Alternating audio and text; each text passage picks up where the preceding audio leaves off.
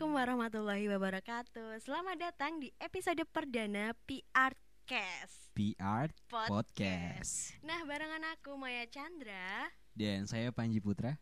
Berhubung episode perdana, asiknya kita bahas apa nih, Ji? Oke, Mai, tak kenal maka tak sayang kan? Oke, maka dari itu kita kenalan dulu. Oke, kenalan dulu. Latar belakang mengenai PR 18 nih.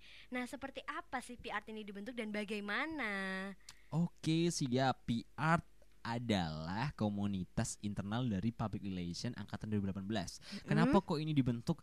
Karena kita itu ngerasa ih katanya kita butuh wadah nih buat kita belajar bareng, buat kita ngembangin bakat dan minat bareng terkait dengan kepiaran kayak gitu, Mai. kepiaran gitu. Nah, PR sendiri ini dibentuk berdasarkan inisial teman-teman mahasiswa atau ada dorongan dari dosen nih. Nah, sebaiknya kalian bentuk ini supaya lebih produktif Hmm, gitu. Oke oke oke. Yang sangat brilian sih menurut Ya. aku adalah ini dibentuk atas inisiasi dari teman-teman PR 18. Wow, tepuk tangan ya teman-teman. Ini Luar dari biasa. bener-bener inisial dari teman-teman ya. Oke.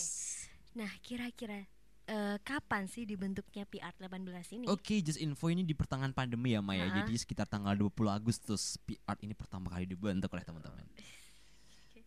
Siapa kira-kira direkturnya? Oke, kalian pasti kenal sih temen kita sebagai redik- eh, direktur dari PR ini adalah Rahmat Bilal. Dan wakilnya Ada Habib ada Habib. Oke, teman-teman kenalin ada Mas Bilal dan Mas Habib sebagai direktur dan wakil direktur PR 18. Yaps. Nah, di PR 18 ini ada berapa ada berapa departemen sih, Panji? Oke, di PR itu ada tiga departemen. Yang pertama ada MDR, Ada MDR, kemudian ada media kreatif, media kreatif, juga tak lupa eksternal. eksternal. Dari ketiga MD dari ketiga departemen ini saling berkaitan dan saling eh, Kolaborasi, kolaborasi Mai. ya Yaps. buat mengha- menghasilkan karya yang terbaik gitu. Yaps, benar benar benar. Oke. benar. Nah, langsung aja nih. Sebelum kita masuk ke pembahasan mengenai public relation, kita perlu tahu dulu nih. Human relation dan public relation itu kan berkaitan. Yaps. Salah satu aspek dari human relation itu apa sih? Oke. Menurut Panji? Oke, jadi kita ketahui dulu ya sebelum kita melangkah jauh di pemaha- pemahaman terkait dengan public relation, kita perlu tahu juga sedikit tentang human relation. Oke. Oke, Apa itu human relation? hubungan antar manusia. Nah, salah satu aspeknya ialah high moral standard kayak gitu, High moral Mai. standard. High moral standard itu apa menurut Panji? Jadi gini, uh, sama manusia dalam berhubungan itu harus juga mengutamakan moral. Moral. Jadi ada standar moralnya. Kalau high kan tinggi nih. Iya, betul. Jadi kita itu dalam uh, dalam apa ya? Dalam hubungan antar manusia itu harus memperhatikan moral yang tinggi kayak gitu. Ada standar tingginya kayak gitu. Nah, dari aspek high moral standard ini bolehlah kasih tahu ke teman-teman eh, pada zaman dulu high moral standard ini seperti apa sih? Oke, kalau kita kaitkan dengan jurusan kita gimana? Nah, boleh juga tuh dari dari jurusan kita kan juga eh, nggak be- nggak begitu jauh ya. Dari apa itu komunikasi penyiaran Islamnya. Boleh juga tuh diceritain. Sama dakwah ya sekiranya Maya. Heeh, heeh. Oke, kita akan uh, lebih di flashback sih terkait dengan penyebaran Islam di tanah Jawa. Jadi dulu itu sebelum Islam uh, datang di Pulau Jawa, di tanah Jawa itu sudah ada agama-agama terdahulu. Tahu nggak apa aja? Ya boleh jelasin deh. Oke, Aku ada. kan lebih kurang tahu. Hindu, Buddha, animisme dan dinamisme. Dinamisme. Nah, kemudian masa keemasan dari penyebaran agama Islam di tanah Jawa adalah masanya Wali, Wali Songo. Tahu kan Wali Songo iya, siapa aja coba? Songo. Tiga aja lah. Sunan Giri, Yaps. Sunan Bonang, Yap. Sunan Derajat. That's true. Oke. bener. Jadi uh, masa keemasan penyebaran Islam di Pulau Jawa adalah masanya Sunan Sunan. Nah, kenapa ya kok bisa sih em, beliau-beliau itu sangat cepat menanamkan nilai-nilai risalah Islam di Pulau Jawa? Dan mudah banget ya diterima di masyarakat Ya, gitu. itu.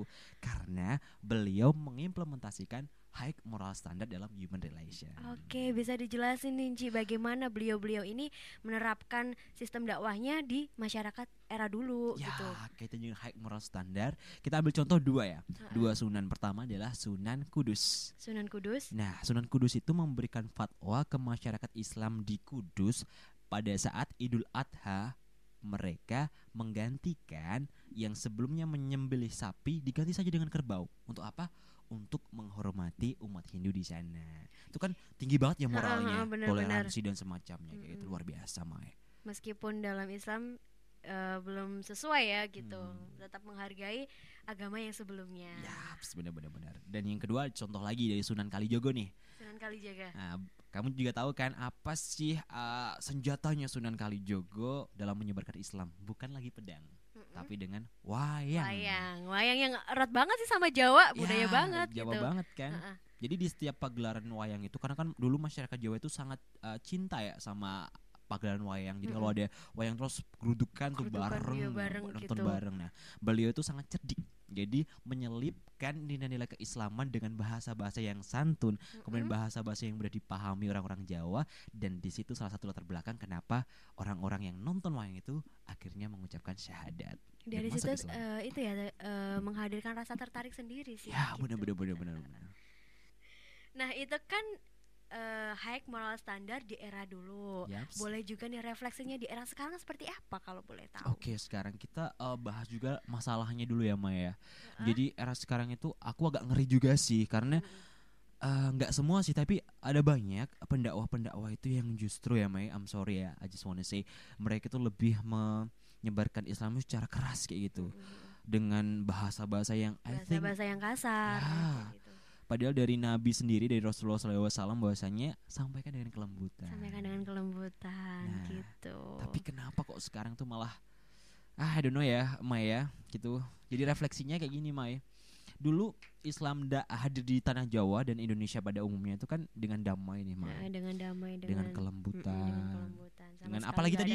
Aspek apa tadi? High High moral standar Ya, gitu. dengan moralitas yang tinggi.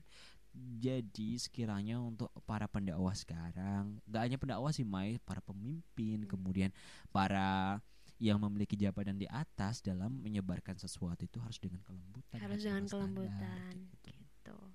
Oke.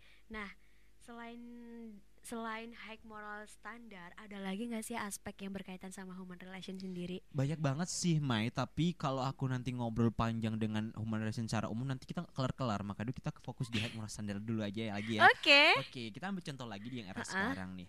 Kan tadi banyak eh, pendakwa-pendakwa yang ngomong kasar, kemudian menjustifikasi, ah Mm-mm, you bid'ah nih, you kafir ya. Mm, Padahal itu gitu, bagus kan ya Maya. mm-mm. Itu sebagai penyebab kenapa Islam itu justru nggak kuat. Dan sekarang maraknya baru kayak gitu kali ya. Ya benar. Berame banget kayak gitu. Seharusnya kan pendakwa yang baik itu nggak seperti itu. Ya benar benar benar dan sekiranya kita harus flashback lagi ya untuk Mm-mm. menanamkan nilai-nilai budaya yang wah luhur, luhur sekali loh Mayu Jawa itu sungguh luar biasa luhur loh. Mungkin di sini peran peran anak-anak muda, peran-peran orang cerdas dibutuhkan banget ya. Ya benar-benar nggak nggak cuma orang cerdas sih tapi Uh-uh. orang yang bijak juga. Orang yang bijak, lebih tepatnya orang yang bijak, Oke, betul. benar. Jadi untuk bagaimana kita mengkolaborasikan agama dengan budaya dalam kepentingan berdakwah itu sangat keren loh, Mai. Oke, tadi kan udah diceritain mengenai bagaimana human relation berkaitan sama public relation. Dari yang aspek high moral standard di eranya Rasulullah, di eranya Wali Songo sampai di era yang sekarang. Ya semoga ke depannya jauh lebih baik ya gitu. Yaps, kita harus bareng-bareng Mm-mm. mengaplikasikan high moral standard. gitu. Oke, mungkin dari Panji sendiri bisa menyampaikan closing statementnya. Oke, gini ya Maya. Untuk saudaraku sekalian, ah, biarpun anda cuman ah, seseorang individu biasa, pelajar, mahasiswa, nggak pendakwah atau semacamnya, kita harus bareng-bareng mengaplikasikan high moral standard. Bahwasanya di hubungan antar manusia itu kita harus menjunjung tinggi moralitas. Jangan sampai walaupun sudah kenal tapi kita lupa sama moral itu jangan sampai karena nanti bisa jadi kebiasaan buruk bagi kita. Jadi kita sama-sama nih kita implementasikan high moral standard dari hal yang terkecil Dari hal yang terkecil. hal yang terkecil dan menurut kalian nyaman dan nanti berdampak positif bagi kehidupan kalian. gitu. Oke, terima kasih atas statementnya yang sangat bagus, eh, memotivasi teman-teman juga sih. Oke, cukup sampai di sini dulu podcast kita perdana. By the way, kita produksi di Radeka. Radeka. Terima kasih ya teman-teman Radeka sudah mau menampung PR 18 untuk berkarya. Thank you so gitu. much. Nah, semoga apa yang kita ceritakan, apa yang kita bagikan ilmu pada malam hari ini bermanfaat untuk teman-teman semuanya ya. Dan jangan Amin. lupa jangan lupa kalau merasa ini sangat bermanfaat, bagikan aja. Bagikan insya Allah jadi uh, ibadah buat kalian. Oke, jangan lupa juga nih follow Instagramnya PR18 dan Radeka FM. Yaps, don't forget it. Saya Maya Chandrasari Dan saya Panji Putra Aryan. mengucapkan terima kasih. Wassalamualaikum warahmatullahi Warahmatullahi wabarakatuh.